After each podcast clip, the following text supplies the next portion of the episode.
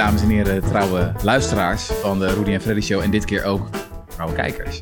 Uh, welkom uh, van harte bij de We Are The Beckman Stichting. Uh, en welkom bij de grote verkiezingsshow van De Correspondent. Een speciale productie van de Rudy en Freddy Show. Naast mij zit Jesse Frederik. Jesse, wat gaan we zo doen? We gaan Frans Timmermans interviewen. Ja, technisch gezien hebben we dat al gedaan. Dat hebben we eigenlijk al gedaan. Ja, maar we doen net alsof... We doen, ja. ja. Um, hebben we er een beetje zin in? Zeker. Zeker. Ja. Het motto van onze podcast is... De inhoud. De inhoud, ja. Uh, en dat het lekker saai mag zijn. Ja. Dus uh, ja, we wilden gewoon de saaiste verkiezingspodcast van Nederland maken. Over de feiten, de cijfers, de taaie dossiers. Nou, ik denk dat we wel uh, geslaagd zijn deze keer. Oké. Okay. Dus nou, als je het interessant vindt of lekker voor het slapen gaan, hebben wij een dik uur Frans Timmermans. Welkom in de Rudy en Freddy Show, of althans ja. de speciale editie daarvan. We noemen het de Grote Verkiezingsshow. Wij interviewen ja, vrijwel alle lijsttrekkers, Jesse. Of althans, iedereen die we konden krijgen. En dat zijn ze bijna allemaal. Um, en het motto is dat we de saaiste verkiezingspodcast ooit willen opnemen. Okay, uh, deze keer ook, ook, gefilmd. dus uh, neem lekker de tijd. Uh, uitgebreide voetnoten, voetnoten mogen. obscure referenties naar vergeten rapporten. Dat is allemaal de bedoeling. Um, en het leek ons wel aardig om even te beginnen met een stukje geschiedenis. We hadden de HJ schoollezing uit 2014 er nog eens bijgepakt, die in de tijd gaf. Dat is natuurlijk de hele prestigieuze jaarlijkse lezing van Elsevier. Mm -hmm. En we waren eigenlijk gewoon even een klein stukje laten zien aan u. En dan, ja. nou even... Oké. Okay. Kijken hoe u daarop terugkijkt. Zullen we dat doen? Ja. Alright, daar komt het. Het is ongeveer een minuutje hoor. Iets voor u betekenen. Het recente voorbeeld dat u misschien gezien hebt. Europese regels moeten komen om aan te geven hoeveel wattage een stofzuiger moet hebben.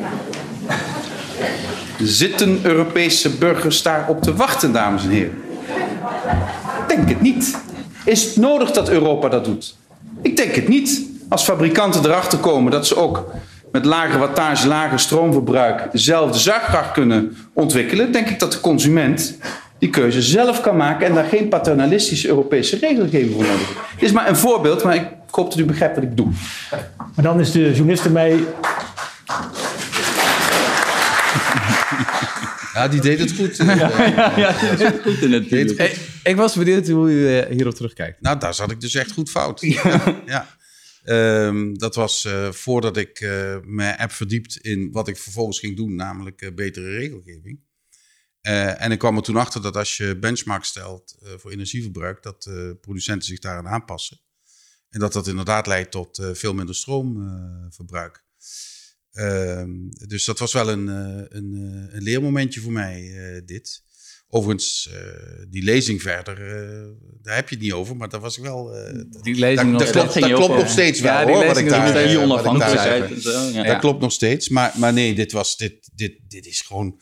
Door de feiten die ik vervolgens heb, waar ik mee heb gewerkt, is duidelijk dat het juist wel heel belangrijk is dat je producenten ook met regelgeving helpt om zeg maar energiezuiniger te werken. En dat, daar profiteert de consument van, maar ook de producent. Want je doet dat op Europese schaal. En dat betekent dat iedereen die op die markt actief wil zijn, eraan moet voldoen.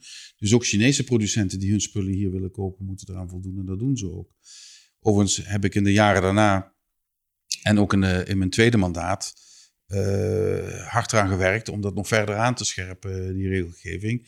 Vaak met steun van in ieder geval de consumentenorganisatie, maar ook van een grote delen van de industrie, die eigenlijk wel prettig vindt om dit soort uh, kaders uh, gesteld die te klaagde krijgen. zelfs dat het niet snel genoeg ging Ja, af en toe. Ja, dus, dus dat was wel.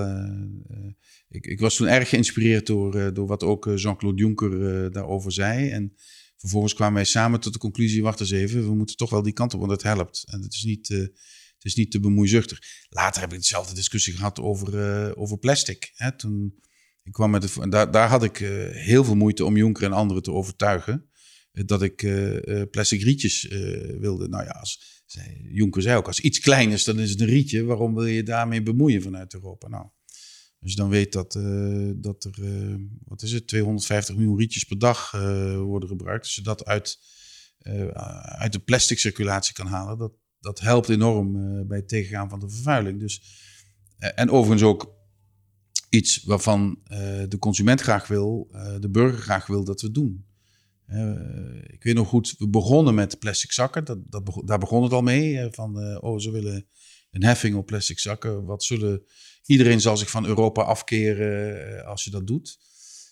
het bleek heel makkelijk in te voeren te zijn. Het bleek ook nog iets te zijn waar mensen echt hun gedrag toch gingen aanpassen. Dat hebben we gezien. Veel minder plastic in het milieu. We zijn er nog lang niet, maar dit soort maatregelen helpen wel. Dus dat, dat is de les die ik wel geleerd heb na, na deze uitspraak. Eh. Dat is, ik heb ooit eens een, stuk geschreven over die hele eco-design-richtlijn. Mhm.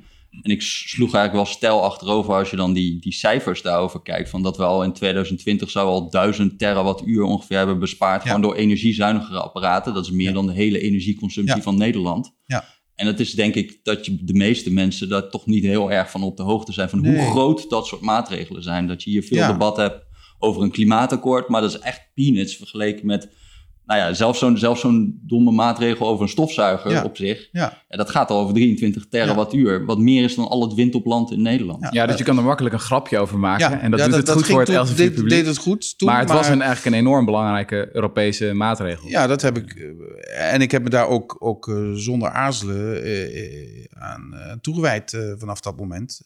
Toen ik eenmaal door had hoe belangrijk het was. Um, uh, overigens, dat iedereen die apparaat heeft, weet dat tegenwoordig een apparaat dat normaal aanstaat, schakelt na een tijdje automatisch uit. Dat mm komt ook door Europese regelgeving. Hè? Dus uh, normaal gesproken bleef een koffiezetapparaat of ander apparaat bleef gewoon eindeloos aanstaan. Nu schakelen ze automatisch uit. Dat scheelt uh, ja. enorme hoeveelheid. dat snapt de consument juist niet ook. Dat hij, dat hij was nog in, in, in, wat je daar net zei, was het, was het nog een beetje van ja, dat als het een betere stofzuiger is, dan snappen consumenten dat juist wel. Volgens mij met die stofzuigers was bijvoorbeeld het probleem dat consumenten de hele tijd dachten: hoe meer wattage, hoe beter. Ja. Waardoor al die fabrikanten eigenlijk soort luchtverwarmers op wieltjes gingen bouwen, die helemaal niet zogen, maar gewoon heel erg uh, hoge wattage hadden. Ja. Nou ja, met, natuurlijk... met auto's hebben we toch hetzelfde meegemaakt. Dat toch al jaren, tenminste, uh, ja, ik ben, van, uh, ben geboren in 61, dus ik ben opgegroeid met hoe, meer, hoe meer cilinderinhoud, hoe beter een auto en hoe gaver een auto terwijl we nu weten dat je ongeveer hetzelfde vermogen kunt halen. Mijn verbrandingsmotor heeft veel minder cilinderinhoud, maar veel minder verbruik. En nu moeten mensen wennen aan het feit dat het eigenlijk veel leuker is om een elektrische auto te rijden dan een verbrandingsmotorauto. Mm, ja. En ook daar helpt de wetgeving. Hè? Het feit dat we met, met, met heel veel moeite, stoom en kokend water, het einde van de verbrandingsmotor in 2035 in wetgeving hebben kunnen gieten.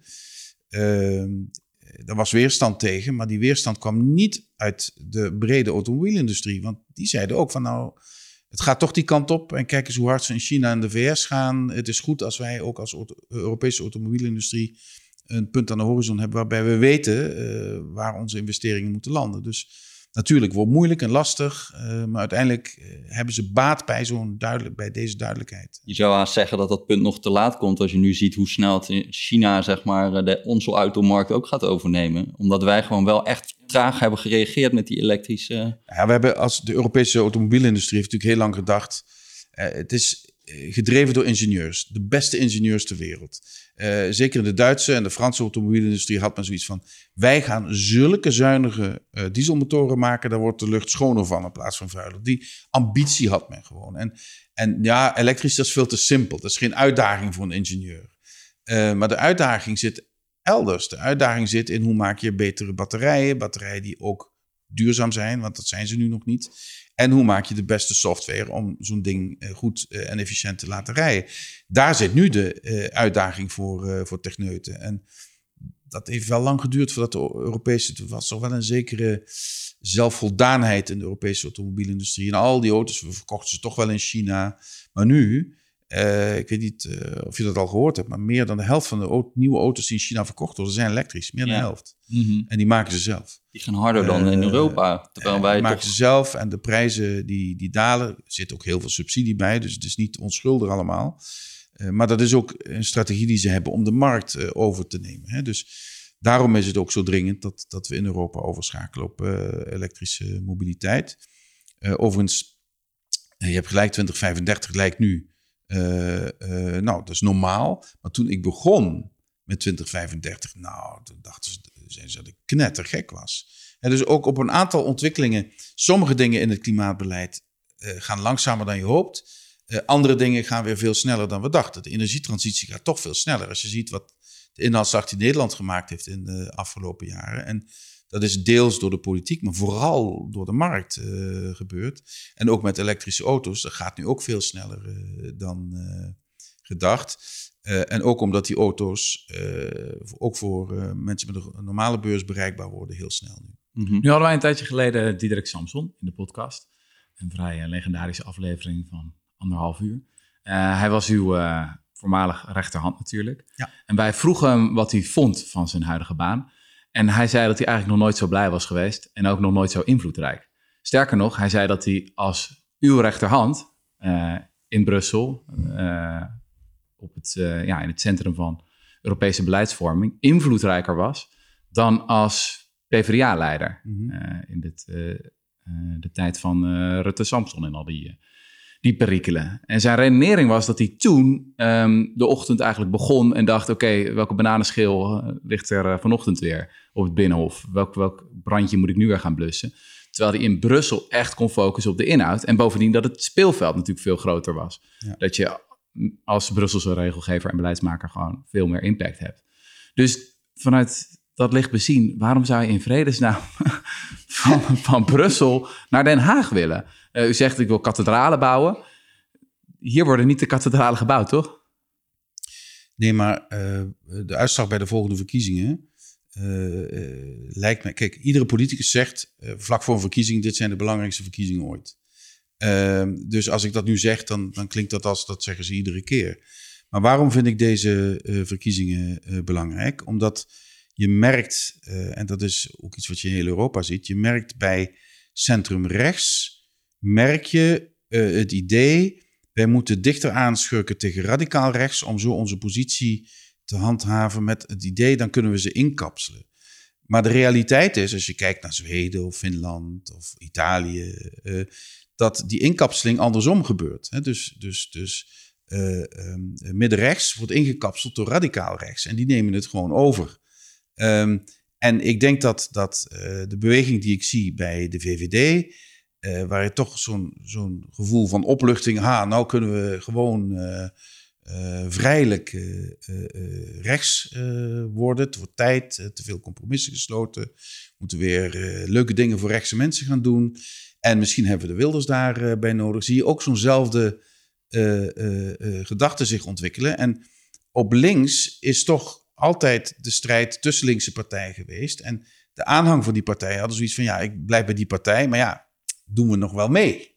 Eh, als het om de macht gaat en om invloed gaat, kunnen we nog wel ooit aan de knoppen komen? En die samenwerking eh, tussen GroenLinks en de Partij van de Arbeid heeft heel veel mensen op links het gevoel gegeven: hey, dat is massa. En massa heb je in een democratie nodig om ook aan de knoppen te kunnen zitten. En misschien lukt het ons deze keer om aan die knoppen te kunnen zitten. En ik heb.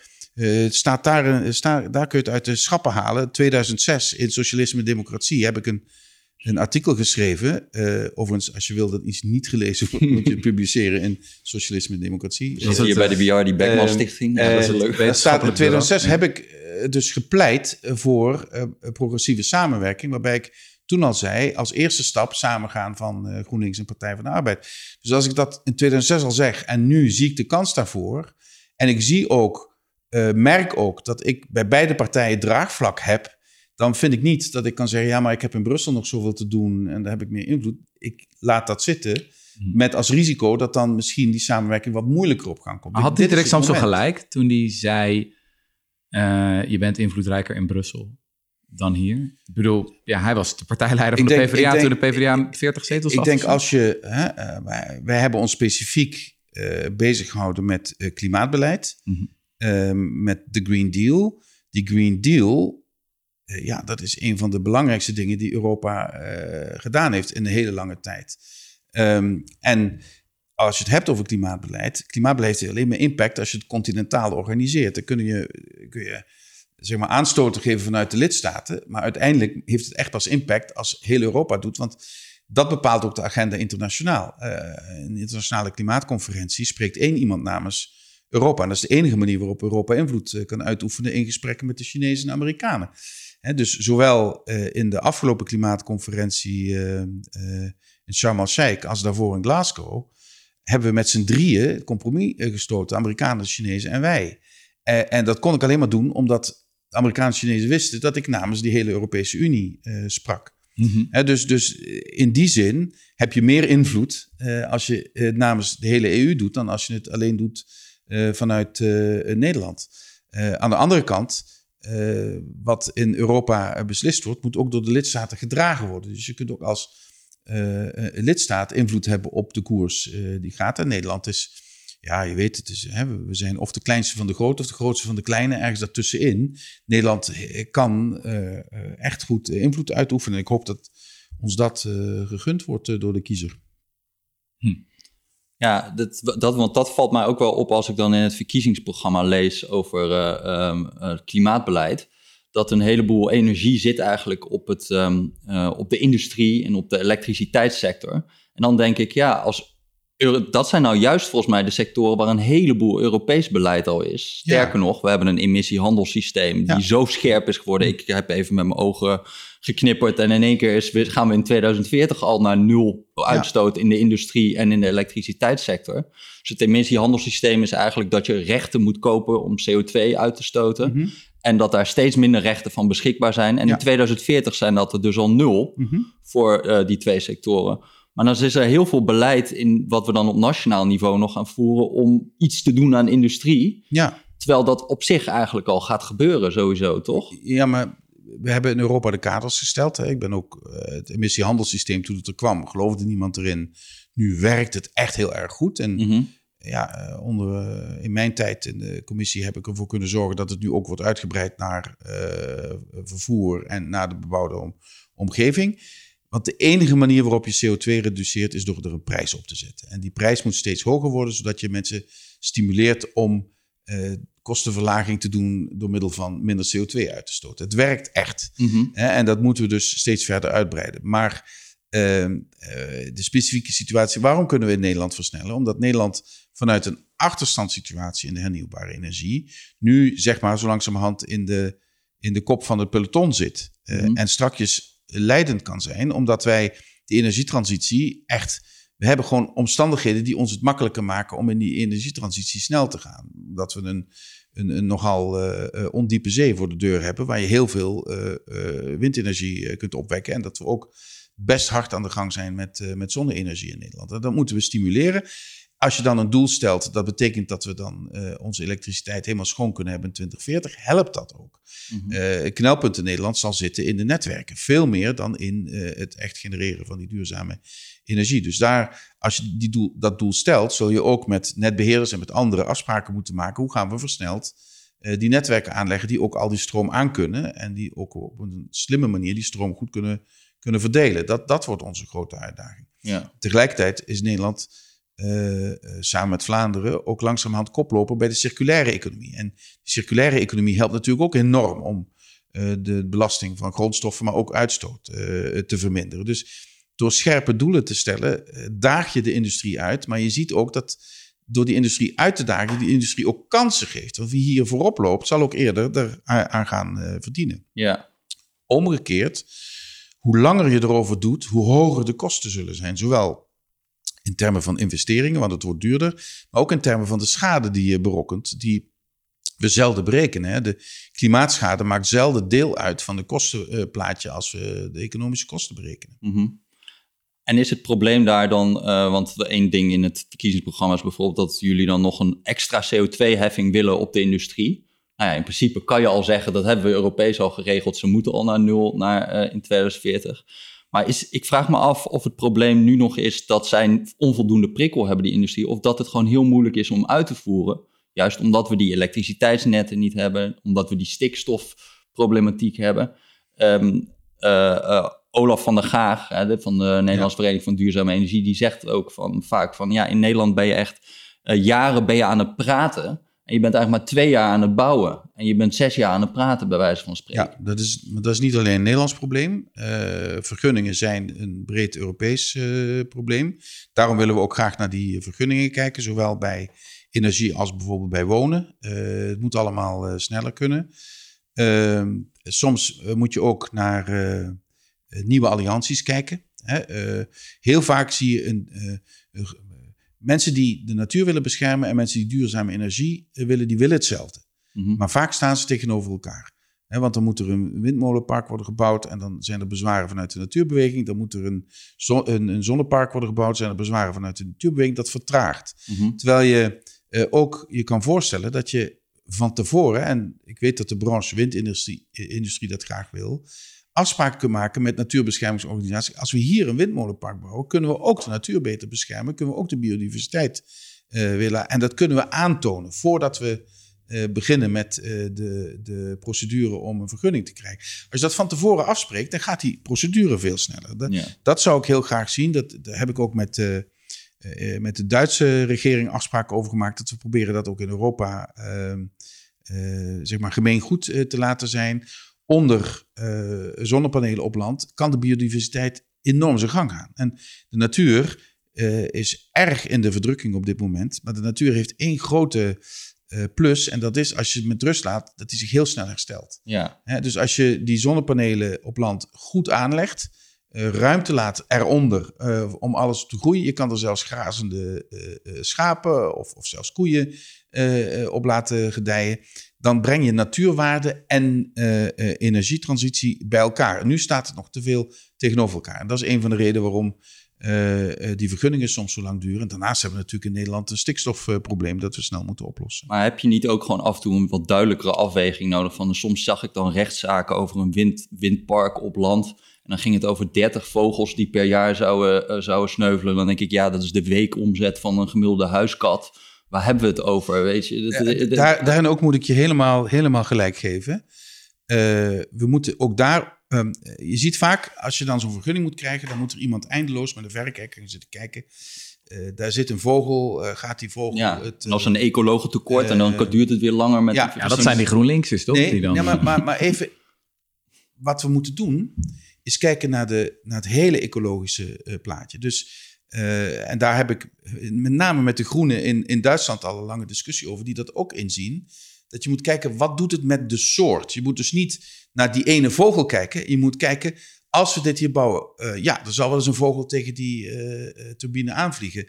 Maar gaat de soort er, gaan de totale aantal vogels er op achteruit of vooruit? En dan blijkt dat die totale aantallen erop vooruit gaan. En dan fixeren we ons, ja, maar daar kan een vogel tegen aanvliegen, dus het mag niet. Terwijl we zouden moeten kijken, er vliegt een vogel tegenaan, maar wat gebeurt er met de rest van die soort? Is die soort bedreigd of kan die soort zich herstellen? Er blijkt heel vaak dat die soort zich juist kan herstellen. Mhm. En, en dus daarom moet die wetgeving zo worden aangepast dat we niet kijken naar de zeg maar, individuele vogel, om het zo te, te noemen, maar naar hoe de soort zich in die omstandigheden gaat eh, ontwikkelen. En als je dat kan doen, dan ontstaat er ook weer veel meer ruimte voor vergunningen. Ja, Jesse en ik zaten na te denken over wat nou het motto moest zijn van dit interview.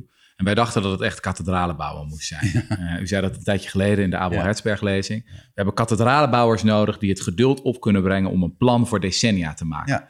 Nou, we hebben het al even gehad net over politieke cultuur. Eh, in Brussel is dat misschien wat, lakker, eh, wat makkelijker om een stip op de horizon te zetten voor 2035.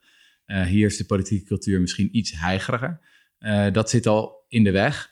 Eh, maar inderdaad, ook allerlei deelbelangen kunnen in de weg zitten. Ja, En misschien is het wat dat betreft aardig om in te zetten op het thema, of het daar nu eerst over te hebben, wat volgens heel veel kiezers het belangrijkste thema is, vooral voor jonge kiezers, namelijk de woningmarkt. yes. Want ook daar is er geen gebrek aan ambities. Eigenlijk alle politieke partijen zeggen dat wel. We moeten bouwen, bouwen, bouwen. En iedereen laat zich graag fotograferen met een helm ergens bij een bouwplaats. Ehm, dus die stip op de horizon, die is er wel. Alleen toch jaar in, jaar uit blijkt het maar niet te gebeuren. Mhm. Waarom is het programma van de Partij van de Arbeid GroenLinks hier anders? Waarom eh, gaan we gaat Ik het ga daar zo lukken? antwoorden op. Als ik nog iets mag zeggen over die kathedralenbouwers, waarom Mhm. ik dat zo belangrijk vind. Eh, je ziet het Sunak nu in de, in, de, in de Verenigd Koninkrijk ook doen. Nee, mijn 2050-doel blijft overeind, maar we gaan nu een aantal dingen niet doen. We gaan meer olie en gas eh, eh, exporteren, et cetera, et cetera. Maar 2050 blijft geel. Een kathedralenbouwer, als hij in 2050 een kathedraal wil hebben, moet hij nu beginnen met bouwen. En, en het, het, het, het, het escapisme in de politiek, want het is een vorm van escapisme, is om een doel voor 2050 te stellen en dan te veronderstellen dat we dan in 20, als we in 2048 in de beweging komen, dan halen we dat doel in 2050. Nee, als je 2050 als doel hebt, moet je ook formuleren waar je in 2040 wil zijn. Moet je ook formuleren waar je in 2030 wil zijn, moet je ook formuleren wat je in de komende jaren moet doen. wij moeten niet tegen de mensen zeggen: we gaan in de komende vier jaar al jullie problemen oplossen. Ook niet in de, in de woningbouw. Ehm, eh, maar we kunnen ook niet zeggen: de problemen zijn zo groot, het komt wel een keer eh, dat we ze oplossen. Dus je moet duidelijk aangeven wat je in de komende jaren doet. Je moet eerlijk zijn. Als je dit wil oplossen, daar gaat tien jaar overheen. Want het is in 30 jaar misgegaan. Dat trek je niet in vier jaar recht. En je moet ook zeggen, uh, duidelijk zeggen, en daar komen we uiteindelijk uit. Heb jij, uh, die begint met het bouwen van de kathedraal, zelf misschien niet echt de voordelen van? Uh, wel het zweet, maar niet de beloning. Maar jouw kinderen en kleinkinderen wel. Die discussie hebben we nauwelijks meer in onze samenleving. Het is de korte termijn. of een, een, een mooi lange termijn doel waar je vervolgens niet meer naar hoeft te kijken. Nu terug naar die woningbouw ik ben altijd geïnspireerd geweest door uh, een stad als Wenen. Uh, waar uh, men in de tijd dat heel veel bestanden van sociale huurwoningen werden verkocht. Dat werd gezien als goed. Dat werden mensen eigenaar, dat is goed. Hebben ze het in Wenen niet gedaan. En Wenen is een van de duurste steden ter wereld. Maar je kunt in het centrum van Wenen kun je nog sociale huurwoningen vinden. En er wordt nog heel veel sociale huurwoningen worden er gebouwd. Hè, je kunt in Wenen kun je, dat, dat rekenen ze daaruit uh, in euro's per vierkante meter. Voor 10 euro per vierkante meter kan je nog huren in het centrum. Uh, dat is in, in andere grote steden ondenkbaar geworden. Dat heeft tot heel veel crisis uh, geleid, omdat die privatisering niet gepaard is gegaan met het instand houden van een zekere basishoeveelheid sociale huurwoningen. Dus ik vind dat, en daarom moeten we van volkshuisvesting weer een echte publieke taak maken. We noemen het Berlage 2.0, kan me niet schelen hoe je het noemt. Maar het moet weer duidelijk zijn dat de markt dit niet oplost voor de mensen. En dat je dus weer meer regie vanuit de overheid uh, zult moeten, uh, uh, erop moeten zetten. Waaruit bestaat die regie? Eisen van corporaties, dat is een minimum van 30% aan sociale huurwoningen handhaven en dan niet onder mogen zakken. Twee, wat is een van de grote problemen, is de speculatie met, met, met land, met gronden. Want, want we hebben maar 42.000 vierkante kilometer en we zijn met 18 miljoen grond is schaars uh, in Nederland en er wordt heel veel mee gespeculeerd. Uh, met een grondbank kun je ervoor zorgen dat die speculatie tegengaat. Dus dat de overheid ook ervoor zorgt dat die grondprijzen niet tegen elkaar worden. Want de grootste prijs bij een woning is de grondprijs. Hè? Niet, niet de stenen, mm -hmm. niet wat je bouwt, maar de grondprijs. Dus daar ook regie op zetten en het dan mogelijk maken om, zeg maar, onder controle van de overheid daar te bouwen tegen, uh, tegen kosten die uh, bereikbaar zijn voor meer mensen. ik geloof dat we tot 2030 een behoefte hebben van ongeveer 980.000 woningen in Nederland extra. Nou, als we niet echt veranderen, komen die er nooit. En dan wordt, dan wordt de woningnood die, die, die onze grootouders hebben gekend in de jaren 50 en 60, die is dan weer terug in Nederland, maar dan voor de generatie van mijn kinderen. Dus, dus dat betekent dat je moet durven ingrijpen in, in uh, de grondpolitiek. Dat betekent dat je moet durven ingrijpen uh, bij de volkshuisvesting. Dat je eisen stelt aan een minimum aantal sociale huurwoningen. Dat betekent ook dat je in steden, ik zag het in Breda, ik was op bezoek in Breda, daar hadden ze een volkswijk uit de jaren 50 uh, met heel veel portiekwoningen, 50, 60 vierkante meter, dus heel erg klein. tien jaar geleden was het, was het credo nog, die moeten allemaal tegen de vlakte, want dat is veel te weinig oppervlakte voor een woning. Nu blijkt dat 50, 60 vierkante meter voor heel veel eh, starters en jonge mensen eigenlijk een ideale uh, uh, omvang van een woning is. Dus nu worden ze opgeknapt in plaats van afgebroken. Dus we kunnen veel meer met de beschikbare ruimte in, in, in, in steden en dorpen dan we tot nu toe doen. Dus echt, er moet een, een, een hele versnelling komen van het volkshuisvestingsbeleid onder regie van de overheid. We moeten niet meer aarzelen om te zeggen dat hier moet de overheid echt ingrijpen. Dan... Maar dit is toch juist een voorbeeld van, we hebben de ambitie om die 30% te stellen. Er moet 30% sociale huur komen. Nou, dat is volgens mij ook best wel breed gedeeld inmiddels. Uh, en als je dan nu kijkt, ja, dan zou een woningcorporatie met 30.000 woningen moeten bouwen. Ja. 100.000 per jaar, 30.000 ja. per jaar. Het eerste half jaar hebben ze er 6.000 gebouwd. Ja. Dat is bruto. Uh, er zijn ook nog sloop, dus dan kom je op 4.000 ongeveer uit. Um, nou ja, dat, dat is dus echt veel en veel te weinig. Ja. En, en, en uh, er is wel veel gedaan. Hè? Dus de grote sociaal-democratische totempaal was toch die verhuurdersheffing. 1,7 miljard haalden we op bij woningcorporaties. Die is nu afgeschaft en ze doen het nog steeds niet. Uh, ja, zijn dat niet ook gewoon veel meer beheerders dan bouwers geworden? En uh, mogen we ook niet wat strenger zijn op die corporatiesector. Want je laat, het is wel een beetje vaak bij de PvdA dat die zich gewoon denken, nu willen we nog een half miljard aangeven door allemaal de renteaftrek weg te geven. Dan mogen we ook wat vragen. Zeer mee eens. En uh, ik vind dat de corporaties weer veel meer onder uh, ook beheer en controle van de huurders mogen staan. Hè, zoals het vroeger ook was. Hè. Dus uh, de afstand tussen de wijze waarop de corporatie wordt geleid en de klanten van die corporatie, die is wel heel erg groot geworden. Terwijl ik me nog kan, goed kan herinneren, maar dat is in de mijnstreek, dat mijn grootouders beide, beide, van beide kanten die hadden bij uh, dat was een van de woningcorporaties, dat die echt een vinger in de pap als ze wilden. -hmm. en, en die vertegenwoordigers zaten ook aan tafel bij de keuzes die gemaakt werden in de wijken waar het om ging. Dus ik denk dat ook um, die betrokkenheid weer groter moet. Maar, inderdaad, er is te veel uitgegaan van ga je gang maar. En er is natuurlijk ook een beweging, dat moeten we ook niet onderschatten, want dat heb ik in, in Europa ook gemerkt. Een beweging eh, van rechts. Ik, ik betwist, betwist helemaal niet dat het heel goed kan zijn voor mensen om uh, eigenaar van hun eigen huis te zijn. Uh, ik ben zelf ook woningeigenaar, kan het me makkelijk permitteren.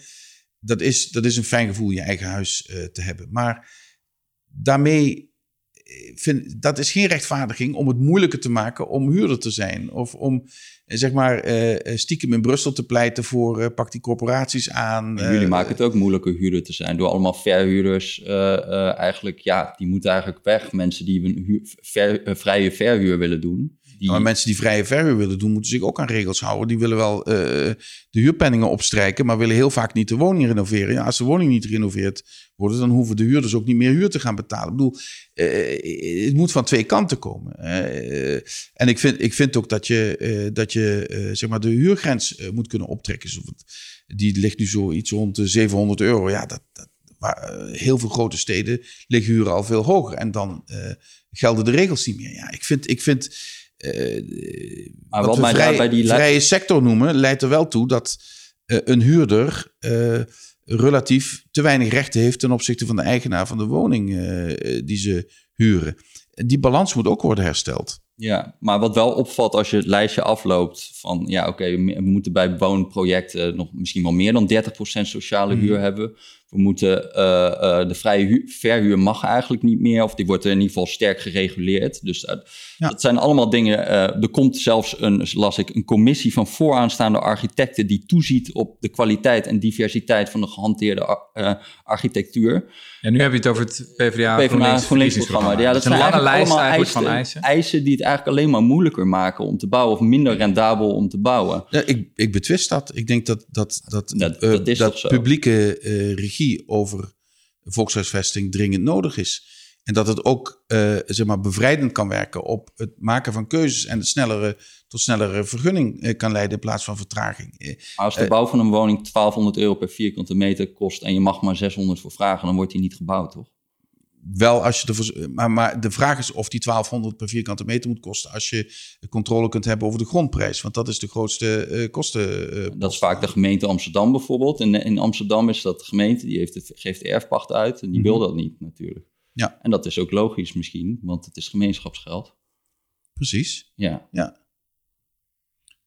En, uh, want ja, kijk, dat is wel een beetje wat je dan afvraagt. Van er is gewoon in Nederland, volgens mij, is er heel veel veto's zijn uitgedeeld aan mensen die tegen een bouwproject nee mogen zeggen. Mhm. In mijn eigen buurt bij Eiplein zijn er wel eens plannen dan geopperd van, ja, uh, kunnen we daar misschien een optopping op onze woningen? Dat is in Amsterdam Noord. En dan krijg je uh, eigenlijk heel snel dat bewoners die zeggen van nee, dit is, uh, dit is een hele cultuurhistorische ding. Nou, volgens mij heeft Rem Koolhaas heeft een keer tegen het project aangehoest. En nu hebben wij een soort van beschermd stadsgezichtstatus gekomen, gekregen, waardoor er hier nooit meer iets in mijn buurt mag gebeuren.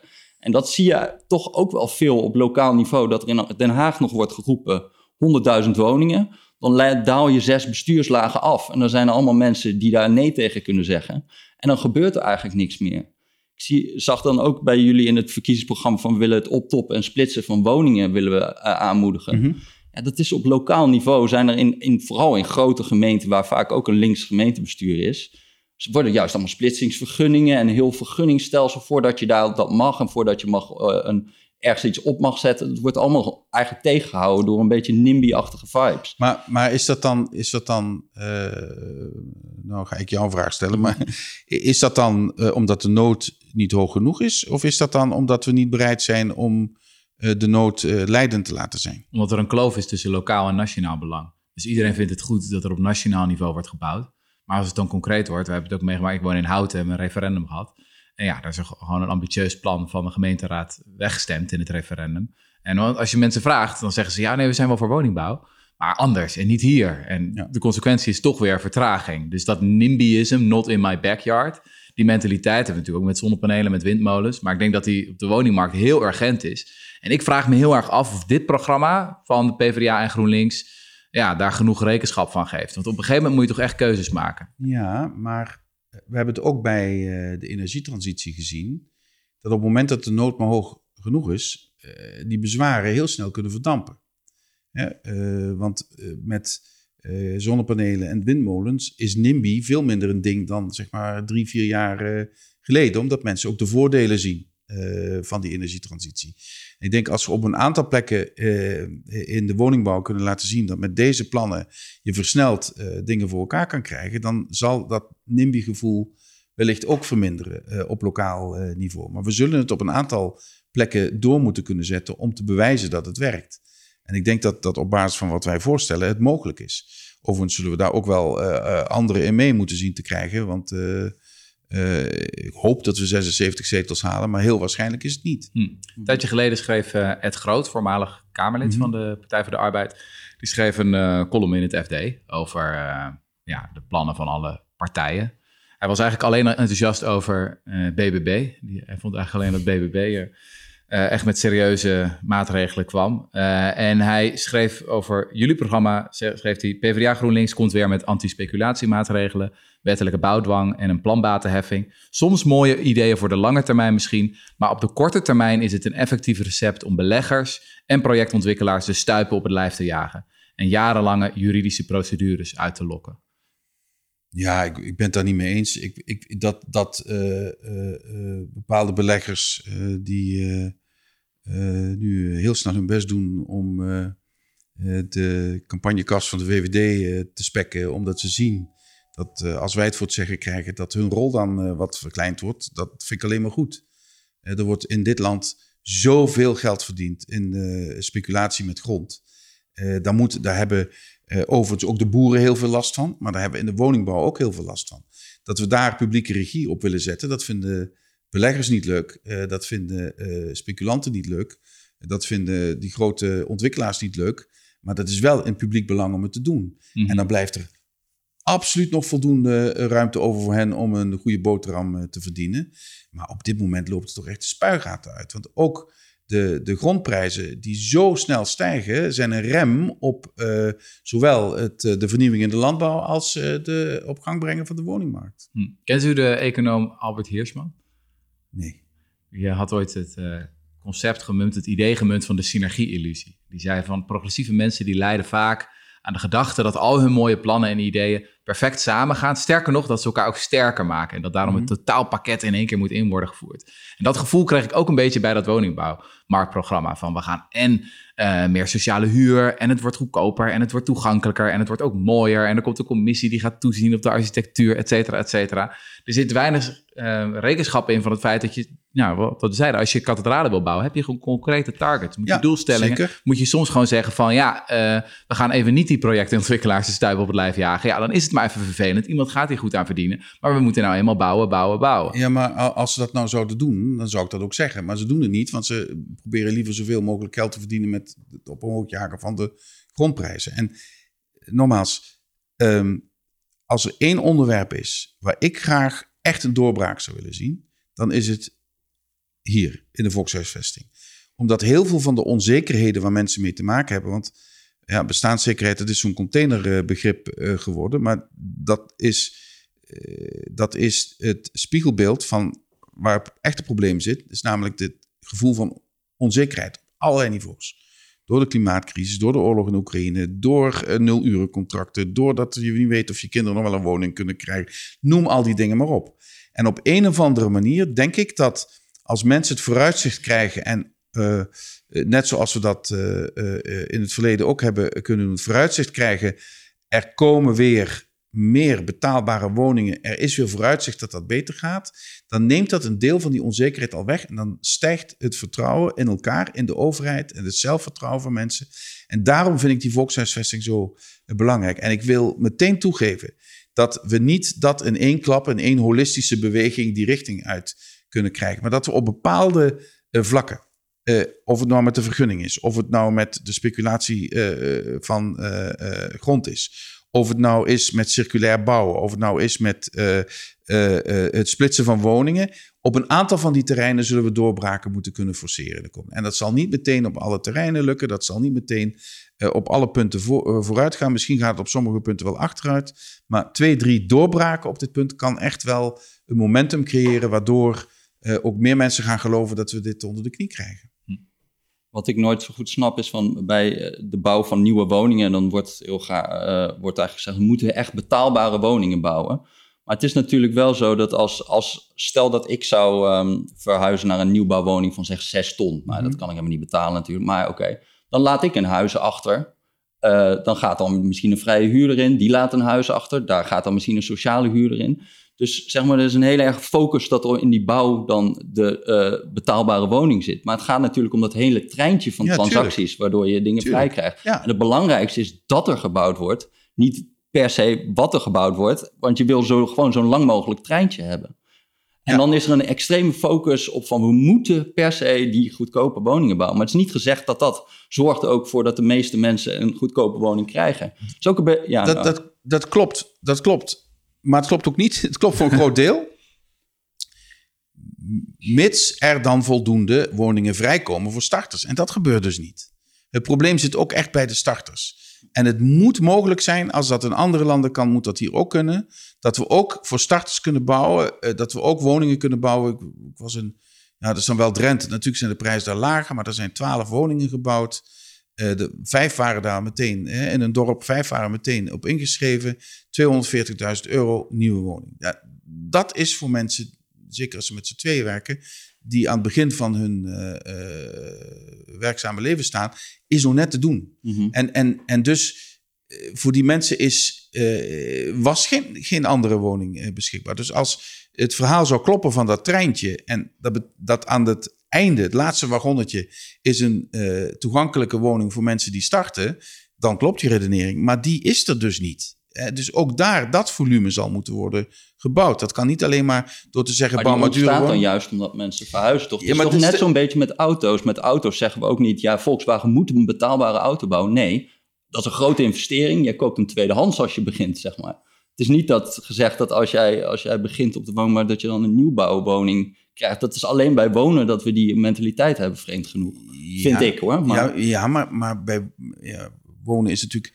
Uh, als je geen auto kan permitteren, is vervelend. Maar dat is toch wel van een andere orde of dat je geen woning. Ja, dat is begrijpelijk. er moeten genoeg woningen zijn. Er moeten genoeg woningen zijn. Maar het is een stoelendans uiteindelijk. En, jawel, maar je ziet toch wel daar waar ze de sociale uh, huursector uh, overeind hebben gehouden, gemoderniseerd hebben, bij de tijd hebben gehouden zelfs in zo'n peperdure stad als Wenen werkt het gewoon. Maar Amsterdam heeft meer ehm, sociale huur dan Wenen. en, dat gaat, en dat is nog steeds, uh, zeker. je 13 jaar op een wachtlijst. Zeker, maar Amsterdam groeit ook veel harder dan Wenen. Dus, dus er zijn ook andere factoren die ertoe leiden dat er natuurlijk een tekort aan, uh, aan, aan woningen is. En in Amsterdam is wel dat punt van jou heel nadrukkelijk aanwezig. Die doorstroming, die wordt ook zeg maar af en toe uh, op niet geheel eerlijke manier uh, ondermijnd. Doordat er niet netjes wordt doorgestroomd via de wachtlijsten. Hè? Mm -hmm. Ja. Want jullie stellen dan ook voor, we willen de inkomensgrenzen voor sociale huursector willen we groter doen, zodat meer mensen een beroep op kunnen doen. Dan denk ik, ja, we hebben dus wachtlijsten van 13 jaar. Bijna alleen maar mensen met een urgentieverklaring mm -hmm. komen daarop. Uh, ja, wat moet dat 30 jaar worden? Het is, bedoel, het is een heel erg nobel streven dat je ook wil dat, uh, dat mensen met een hoger inkomen. kan alleen, en daarom, daarom blijf ik daarop hameren, het kan alleen als we het volume kunnen ja, uitbreiden. 980.000 woningen zijn er nodig tussen nu en 2030. Dat is, eh, ga er maar eens aan staan, dat zijn zes jaar. Ja. Uh, uh, dus en dat kan niet alleen door alleen maar nieuwe woningen te bouwen. Dat moet dan ook op bepaalde plekken met splitsen van woningen. Dat moet ook op een andere manier opgelost worden. Ja, dus als wethouders van uh, GroenLinks PvdA dat tegenhouden, dan gaan, gaan jullie een met doorzettingsmacht gesprek, uh, daardoor... gesprek uh, moeten voeren. Oké, nou dan kan je met alle grote gemeenten om tafel, denk ja. ik. Ja, dat wordt ja, gezellig. er is een interessant debat nu ook gaande in Amerika onder allerlei progressieve denkers en ideologen over dat we wat ze dan supply-side liberalism mm -hmm. nodig hebben. Um, het liberalisme is natuurlijk een beetje het uh, Engelse woord meer voor links mhm. slash progressief. Um, en um, wat ik zo interessant vind in die discussie is dat ze erop hameren dat eigenlijk links-progressief te vaak naar de vraagkant heeft gekeken. Dus dat ze zeggen van oké, mensen hebben deze behoefte, ze willen x aantal woningen, ze willen x aantal windmolens, ze willen bepaalde uh, mate van bestaanszekerheid en we gaan gewoon checks uitschrijven. Uh, alleen we komen er nu achter dat alleen ja, target stellen, uh, ambitieuze doelstellingen voor 2050, dat dat niet genoeg is. Bijvoorbeeld de arbeidsmarkt is ongelooflijk krap. Je moet alleen al wel handen vinden om het, om het te laten doen. Dus um, er zijn steeds meer stemmen die opgaan die zeggen van we moeten echt veel beter kijken naar die aanbodkant van de economie. Dat het ook daadwerkelijk gedaan wordt, dat het daadwerkelijk gebouwd wordt, enzovoort, enzovoort. En wat dat betreft is het misschien ook wel interessant om te kijken naar dat andere grote dossier, waar we een enorme bouwopgave natuurlijk hebben. En dat is de gigantische verduurzaming van Nederland, mhm. die we moeten gaan doen. Ook hier hebben we echt uh, gigantisch ambitieus beleid weer. Dus uh, ja, het bedrag dat op de check staat is, is heel groot. Uh, en jullie willen dat zelfs nog ambitieuzer. Dus ik lees even voor. In 2030 hebben we als land onze CO2-uitstoot met 65% verminderd ten opzichte van 1990. Dus dat lijkt ook in de afgelopen jaren alleen maar omhoog te gaan. Um, en in 2040 maar dat komt ook omdat de energietransitie versnelt. Dan kun je ook omhoog gaan. Ja, zijn we zelfs volledig klimaatneutraal. Um, maar ook hier geldt weer natuurlijk van dit soort doelstellingen uitschrijven is natuurlijk de makkelijkste stap. Geld reserveren of met miljarden smijten, zeker als de rente laag is, is het makkelijkste. Maar hoe ga je dat uh, concreet doen? Kijk, de, de praktijk wijst uit dat uh, met al dit soort uh, beleid sommige dingen heel erg meevallen en veel sneller gaan dan je dacht, sommige dingen heel erg tegenvallen. Dus mm -hmm. je kan wel die doelstellingen formuleren en die helpen enorm bij het formuleren van beleid en het implementeren van beleid. Maar je moet ook de flexibiliteit houden om je uh, gaandeweg aan te passen als dingen tegenvallen of dingen juist uh, sneller gaan. Dus wij konden de doelstelling verhogen omdat de energietransitie veel sneller ging dan we dachten. Niet alleen in Nederland, niet alleen in Europa, maar wereldwijd. Dus dat, dat helpt. Op andere terreinen hebben we met tegenslagen te maken. De transitie, de landbouw gaat veel langzamer dan wij uh, gedacht hadden. Dus daar moet je ook rekening mee houden dat je op dat punt ja, inboekt dat het wat langzamer gaat dan, je, dan je zou willen. Da daarmee is het niet verkeerd dat je die doelen stelt, want dan moet je ook wel de flexibiliteit hebben om je aan te passen aan de realiteit uh, op dat uh, moment. Ja, en wat sneller gaat is dus wind, gaat, gaat sneller. Wind, zonne-energie. Omlaag, zonne-energie, batterijen worden sneller goedkoper. Batterijen worden sneller goedkoper, er komen nieuwe, bat, nieuwe hè, droge batterijen, is een kwestie van een paar jaar, dan komen die ook op de markt. Dat zal ook een revolutie ontketenen. De hele industrie van de warmtepompen loopt... De, de, de, fabrieken worden bijna dagelijks bijgebouwd. er is ook een wereldwijd uh, fenomeen. Dus dat gaat uh, veel sneller. Circulaire economie uh, gaat sneller dan ik dacht. de elektrificatie van de economie, ook door technologische ontwikkelingen, gaat sneller dan gedacht hebben. We konden tot voor kort maar tot een zekere calorische waarde gaan met elektriciteit. Dat wordt steeds hoger. Dus en waar je vroeger zei, ja, daar heb je echt kolen, olie of gas voor nodig, maar anders wordt het niet warm genoeg. met elektriciteit, dat wordt ook steeds beter. Nou, de waterstofeconomie, explodeert wereldwijd. Het is niet alleen een Nederlands of Europees fenomeen. Dus die dingen gaan uh, heel goed. Tikkeltje subsidie gedreven, die waterstofeconomie. Maar okay. Jawel, maar, maar uh, uh, er worden echt in de staalindustrie wereldwijd enorme investeringen gedaan, ook met privaat geld, om van die blast furnaces, maar dan op waterstof, hoogovens op waterstof te ja, bouwen. Nu kan het alleen nog met fossiele brandstof althans. Ja, ja, uh, omdat je hele hoge temperatuur moet bereiken precies. om staal te maken. Precies. En het idee is dat we dat straks met waterstof kunnen gaan doen. Precies. En dat is dan waterstof uh, die gemaakt Zweden, is met elektriciteit. Dus met, met, uh, van wind, groene in, in Zweden wordt het... In Noord-Zweden staat een staalfabriek die maakt groene staal met waterstof die gewonnen wordt door zonne- en windenergie. Dus het kan. Alleen, het is nog veel duurder. Dus er zit nog een premium op. Dus dat, dat moet door schaalvergroting moet dat ervan. Maar dat gaat vrij snel. Dus... dus in die transitie hè, uh, zit het mee. Uh, waar het niet mee zit, moet ik ook eerlijk erkennen, is in de transitie van hoe we ons voedsel produceren en consumeren, hoe we met onze natuurlijke omgeving omgaan. Onze biodiversiteit gaat nog steeds achteruit. We dreigen een miljoen soorten te verliezen. En dat is veel minder zeg maar, voelbaar en tastbaar te maken voor onze burgers dan de klimaatcrisis die voor iedereen inmiddels wel voelbaar en tastbaar mhm. is. En, en daar zullen we ook zeg maar, uh, uh, allianties moeten bouwen met mensen die op dit moment nog de hakken in het zand uh, zetten. En daar moet je dan ook accepteren dat het misschien wat langzamer gaat dan je graag zou willen. Dat is eigenlijk ook het milieuprobleem waar ik het meest bang voor ben. Dat we nog met toenemende welvaart nog een heleboel mensen krijgen die vlees willen eten. Ja. En dat je eigenlijk ziet dat er een heel erg verband is tussen hoe rijk een land wordt en hoeveel vlees ze eten. Ja. En dat dat eigenlijk betekent dat we heel veel land gaan gebruiken nog extra. Ja. En dat er ja, vooralsnog geen alternatieven zijn.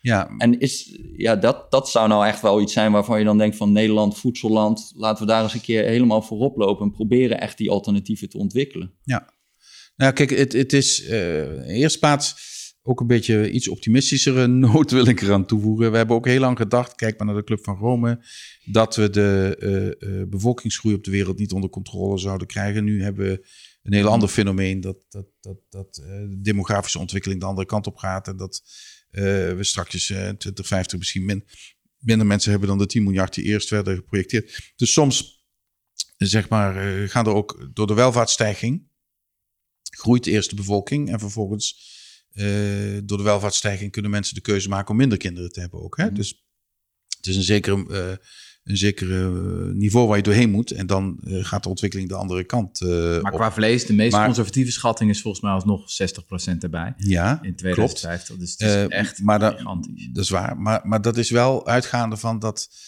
consumptie- en gedragspatronen niet veranderen in de meest ontwikkelde delen van de wereld een aanname die ik niet zou willen maken, want die mm. zijn aan het veranderen, die consumptie- en gedragspatronen.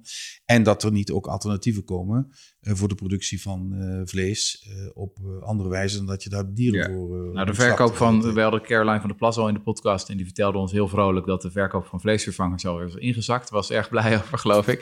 Um, dus dat gaat echt te traag. Dus ik was, was benieuwd, want er is één zinnetje in het verkiezingsprogramma, terwijl dit lijkt me echt een van de grootste duurzaamheidsuitdagingen. Yes, en waar juist een landbouwland als Nederland het verschil kan maken. Zou dat niet echt een topprioriteit moeten zijn? Ik bedoel, er gaat al wat subsidie naartoe. Er is het 65 miljoen naar mhm. cellulaire agricultuur. Dus allerlei alternatieven als precisiefermentatie, kweekvlees. Zou dat nou niet echt een progressieve prioriteit moeten zijn? Ook een... Ook, nou, bijna een voorwaarde voor deelname aan het kabinet. Dat we daar echt een sleutelrol gaan ja, spelen. Zoals Duitsland ja. het zonnepaneel groot heeft gemaakt. Ja, maar, maar, maar, dan, maar dan breder. Dan breder. Dus, want, want wat we in Nederland ook kunnen doen, is voorop lopen in het ontwikkelen van nieuwe duurzame uh, productiemethoden in de landbouw. Uh, we kunnen productiemethoden ontwikkelen waarbij je veel minder pesticiden, uh, veel minder extra, extra, voedingsstoffen nodig hebt. We kunnen met, ook met technologieën, met nieuwe gewassen, gewassen ontwikkelen die naast elkaar uh, kunnen bestaan op een manier die de, de aarde weer. Ja, maar daar zit wel goed. Ik heb puur over de focus op vlees. Dus vlees, nou, is driekwart van alle landbouwgrond is voor veeteelt, veevoer.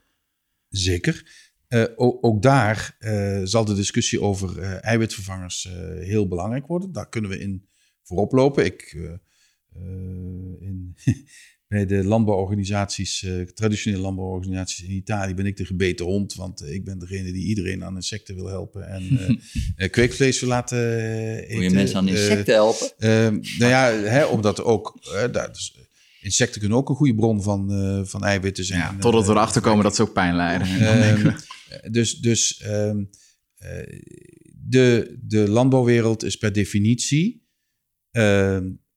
behoudend Totdat ze een nieuw uh, verdienmodel zien. Kijk maar naar de windmolens. En dan wordt het ineens interessant. En de zonnepanelen, hè, daar waren ze eerst heel erg tegen. Maar toen ze zagen dat ze er wat aan konden verdienen. En zo heb ik gisteren ook met jonge boeren uh, gesproken. Zij zeggen, vertel ons nou waar je voor ons uh, als ondernemer een toekomst ziet. En dan kunnen wij kijken of we dat kunnen doen, ja of nee. in plaats van dat we nu in de loopgraven zitten en alles blijft zoals het is. En wij ook zien dat dat tot verelending leidt, ook van van de agrarische sector in, uh, in, in, Nederland. Dus, dus ik denk dat er wel ruimte is, terecht eh, zeg je dat, om vanuit Nederland met die enorme kennis die we hebben, uh, in Wageningen onder andere, gecombineerd met agrarisch ondernemerschap van het allerhoogste niveau, dat we echt zaken in een andere richting kunnen krijgen, ook wat betreft eiwitten. Alleen, ik merk dat op dit moment zeg maar het stikstofprobleem alles een soort, tot een soort totale verlamming heeft geleid. En ook de wens om te bewegen aan de agrarische kant uh, verdwenen is. Omdat men denkt van ja, we, we, kunnen alles lam leggen en dan blijft alles mhm. bij, het, bij het oude. Jonge boeren weten dat dat niet zo is. Dus ik zie in hen ook uh, mogelijke uh, gesprekspartners om inderdaad de zaken in de goede mhm. richting te duwen. Maar wereldwijd, en ik, ik heb het ook gemerkt bij mijn bezoeken in, aan China en India, is de zorg neemt toe. Hè, de vleesconsumptie neemt toe. Het klimaatprobleem wordt groter, dus landbouw staat voor steeds grotere uitdaging om voldoende areaal in stand te houden. Dus zelfs bij bestaand areaal hebben we moeite om voldoende uh, vlees te produceren. Als iedereen zoveel vlees blijft eten of nog meer gaat eten. Maar heel veel, een, deel van het areaal zal worden teruggedrongen door de klimaatverandering. Dus er komt een moment dat je ook wereldwijd moet gaan praten over een andere vorm van voedselproductie. En, over andere, mhm. en, en de vraag is hoe we dat het beste kunnen eh, versnellen. Ik denk dat daar ook met innovatie een hoop kan worden bereikt. En, en ook denk ik met, uh, met politiek. Uh, je moet er ook de verantwoordelijkheid voor durven nemen om mensen daarmee mee te confronteren. De meeste mensen, uh, ik wil niet zeggen de meeste mensen deugen, maar de meeste mensen willen het goede doen. Als dat, als dat ook goed is voor henzelf, voor hun kinderen en kleinkinderen. Maar ze moeten het wel zien.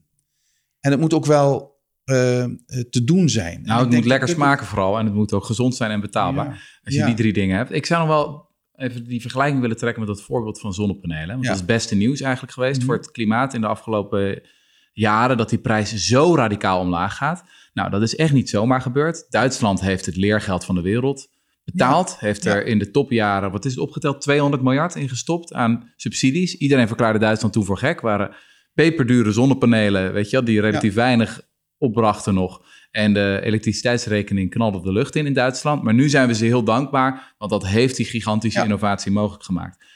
Als je dan gaat nadenken, waar kan Nederland, een rijk, relatief, uh, zeg je dat, uh, progressief of in ieder geval wetenschappelijk hoogstaand land ook, waar kunnen wij het leergeld voor betalen? Lijkt me dat dit dit is, cellulaire agricultuur. Mhm. Maar dan moet je toch echt, dan heb je het niet over enkele tientallen miljoenen. Weet je, die Duitsers die stoppen er miljarden in. Dat zou dan toch echt een, een, stip op de horizon moeten zijn voor ons. Echt een serieus commitment. Dat het niet alleen een beetje is, we gaan een beetje bewustwording doen en we gaan nou ja, nog een subsidie hier of daar. Nee, we hebben gewoon een, een deltaplan uh, om hierin leidend te zijn. ik vind het een hele interessante gedachte.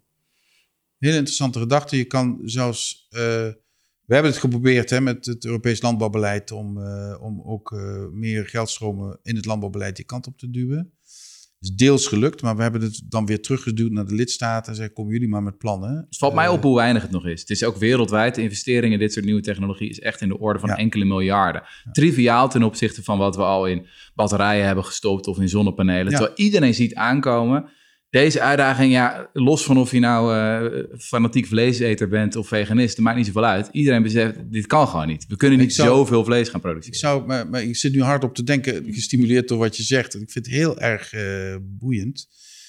Dan moet je allianties sluiten met, met landen die dat probleem ook zien. Ik zou hier op dit punt wel eens een samenwerking met een land als India op willen zetten. Want die, die zien dit ook allemaal uh, gebeuren. Veel vegetariërs wij hebben met Wageningen hoef je wereldwijd, wie er ook met landbouw en voedsel bezighoudt, hoef je Wageningen maar te noemen, dan weten ze wat het over gaat. Mhm. Dus ik vind het wel een heel interessant punt. Ik had daar nog niet over nagedacht, maar eens kijken of we daar niet echt een bilateraal of trilaterale samenwerking uh, over op kunnen zetten. Met, dat kunnen wij doen. Uh, ik denk dat, dat, dat Latijns-Amerikaans land, waar ze hier ook heel veel over nadenken, vaak in een andere richting. Maar dat kan ook interessant zijn. Er zijn veel landen met heel weinig grond, die, waarvan ik meer Singapore, Israël, uh, ja. uh, die zijn heel erg op, uh, op nou ja, kweekvlees, precisiefermentatie, omdat die gewoon denken, we hebben de grond er niet voor. We Zeker. willen gewoon zelfvoorzienend zijn. Zeker, maar, maar we moeten ook als Nederland dan, dan aan een schaal kunnen denken, waarbij het dan precies, meteen precies. heel erg ja. kan worden uitgebreid. Daarom dacht ik, India, je kunt aan, zo aan Indonesië ook kunnen denken. Een land dat dat, dat we vaak niet zien, maar dat met een enorme ontwikkeling uh, uh, bezig is. Heel interessant. Hier ga ik eens verder over nadenken. Alright, staat op het lijstje. We hadden het net over thema's waar het een beetje vastloopt. die, want sommige dingen gaan goed, andere mhm. dingen lopen het vast. En een van de dingen die prominent in jullie programma staat, is een nationaal isolatieplan. Dat hoor je ook al een hele tijd. Volgens mij ook van links tot rechts is daar wel eensgezindheid over van ja. dat dat echt het laaghangende fruit is. Maar ook hier is de praktijk dan wel een beetje deprimerend. Want ik zag bijvoorbeeld het woord vleermuis. Het kwam niet voor. ik, heb, ik, heb in, ik ben nu uh, vijf weken door het land aan het uh, reizen. En ik heb de vleermuis al vaker uh, voorbij zien komen. ja, nou, het, is, het klinkt misschien een beetje lullig, maar het is wel echt een heel serieus probleem. Ja, absoluut. Pro eigen huis is onlangs gestopt met bemiddeling voor spouwmuurisolatie. Nou, spouwmuurisolatie is relatief het goedkoopste en het meeste rendement. In termen van als je minder energie wil verbruiken. Ja, ze, ze nokken ermee, want wat kost een ecologisch onderzoek? 5 tot 6.000 euro. Uh, kan een jaar duren. Nog verder oplopen. Ja, ik, heb ook, ik moet ook eerlijk zeggen, ik heb filmpjes gezien van wat die vleermuis overkomt. Als die, wat is het, de purschuim erin gaat of die andere isolatietroep. Ja, dat is ook niet leuk om te kijken. Nee. Aan de andere kant lijkt me dit ook echt typisch een voorbeeld van een, van een pijnlijke afruil. Nou, dus wat, gaan we doen met die? Nou, hier zou ik, wat ik eerder zei, zou ik geïnteresseerd zijn. Ik heb de gegevens niet, ik weet het niet maar om te onderzoeken wat betekent het voor de soort. Gaat alleen maar beter, toch? Uh, hè, voor de omvang van de soort. Hè. Dus, dus natuurlijk vreselijk als een vleermuis uh, of een aantal vleermuizen daaronder lijden. Maar is het een bedreiging voor de soort of niet? Dat zou misschien iets meer leidend moeten zijn bij, uh, bij deze eh, discussie. Eh, dat is net als wat we er straks bespraken over windmolens. Eh, en, maar daar, moet ik daar zou ik me dan echt in moeten, moeten verdiepen of dat ook op dit punt zou kunnen. het mag ons niet overkomen dat we die. kijk, waarom is die isolatie zo, zo, zo belangrijk? Inclusief de energietransitie van woningen. Waarom wil ik daar een absoluut speerpunt van maken? Omdat dat een ideale manier is om lange termijn uh, doelen en korte termijn voordelen met elkaar te combineren. Want dat zal mensen in die woningen, misschien zijn ze zeer in het klimaat eh, geïnteresseerd en vinden ze het goed dat ze iets doen wat goed is voor het klimaat. Maar ze zijn in eerste instantie vooral geïnteresseerd in het feit dat ze nog maar een fractie voor hun energie gaan betalen na echt goede verandering. Nou, met isolatie haal je al flink wat van je energierekening af. Als je dan ook nog die energietransitie kunt maken in die woning, dan gaat die uh, uh, maandelijkse rekening echt fors omlaag. Hè. Ik heb daar voorbeelden van gehoord in de afgelopen maanden. Ook in Kerkrade bijvoorbeeld. Iemand die ging van, van, van 200 plus euro naar 20 euro. Echt, echt dit soort veranderingen krijg je dan per maand. Dus dus um, als je klimaatbeleid succesvol wil maken, dan moet je uh, niet alleen de burgers vertellen wat de lange termijn voordelen zijn voor kinderen en kleinkinderen, maar ook wat je er op korte termijn zelf aan voordelen uit zou uh, uh, kunnen halen. En dan is woningisolatie en energietransitie van woningen is denk ik het meest effectieve om dat punt te maken en ook om letterlijk energie te besparen, geld te besparen en uitstoot te verminderen. Ja, en als dus de soort niet uitsterft, dus laten we zeggen, nou ja, als, als de soort blijft gedijen, dan vind, ik, dan vind ik het iets anders dan als je uh, daarmee de soort bedreigt of, of populaties uh, bedreigt. Ja. Dat weet ik dus niet. Hè? Ik weet dus niet of je daarmee populaties bedreigt. Dat zou je dus moeten onderzoeken. Ik zie in mijn uh, ooghoek een wildgebarende woordvoerder. Dus Zitten we krap in de tijd? We moeten stoppen. Oh joh, wij zijn nog uh, lang niet klaar joh. We, nou, hebben, ja, we hebben nog niet over degrowth gehad. En uh, wat nog meer over anticyclisch beleid. Het is niet anders. Uh, het is niet anders. Heel veel dank. Oké. Okay. Dankjewel. Tot voor, jullie dienst. voor de komst. Succes met de campagne. Dankjewel. Ja.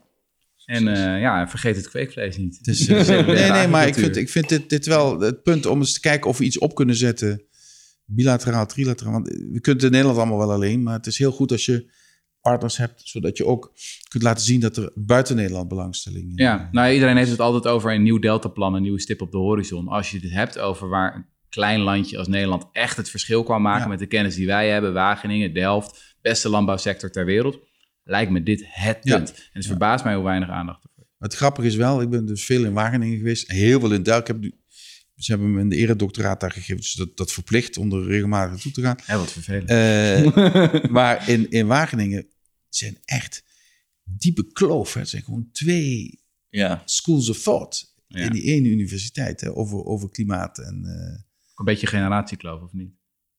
Mm, ja, misschien, maar is echt heel moeilijk om die nog bij elkaar eh, te brengen. Die staan echt tegenover elkaar eh, binnen die ene universiteit. Ja. ja. Ja, soms is er geen synergie. Nee. soms is er een afruil. Ja. ja. Heel veel dank. Tot jullie dienst. Ja, dat was hem dan. Um, wij vonden het een mooi gesprek. Zeker. Ik... Met deze fascinerende lijsttrekker. Uh, en dan komt natuurlijk de onvermijdelijke vraag. Vond je dit de moeite waard? Luister je graag naar de interviews van Rudy en Freddy Show met deze fantastische lijsttrekkers?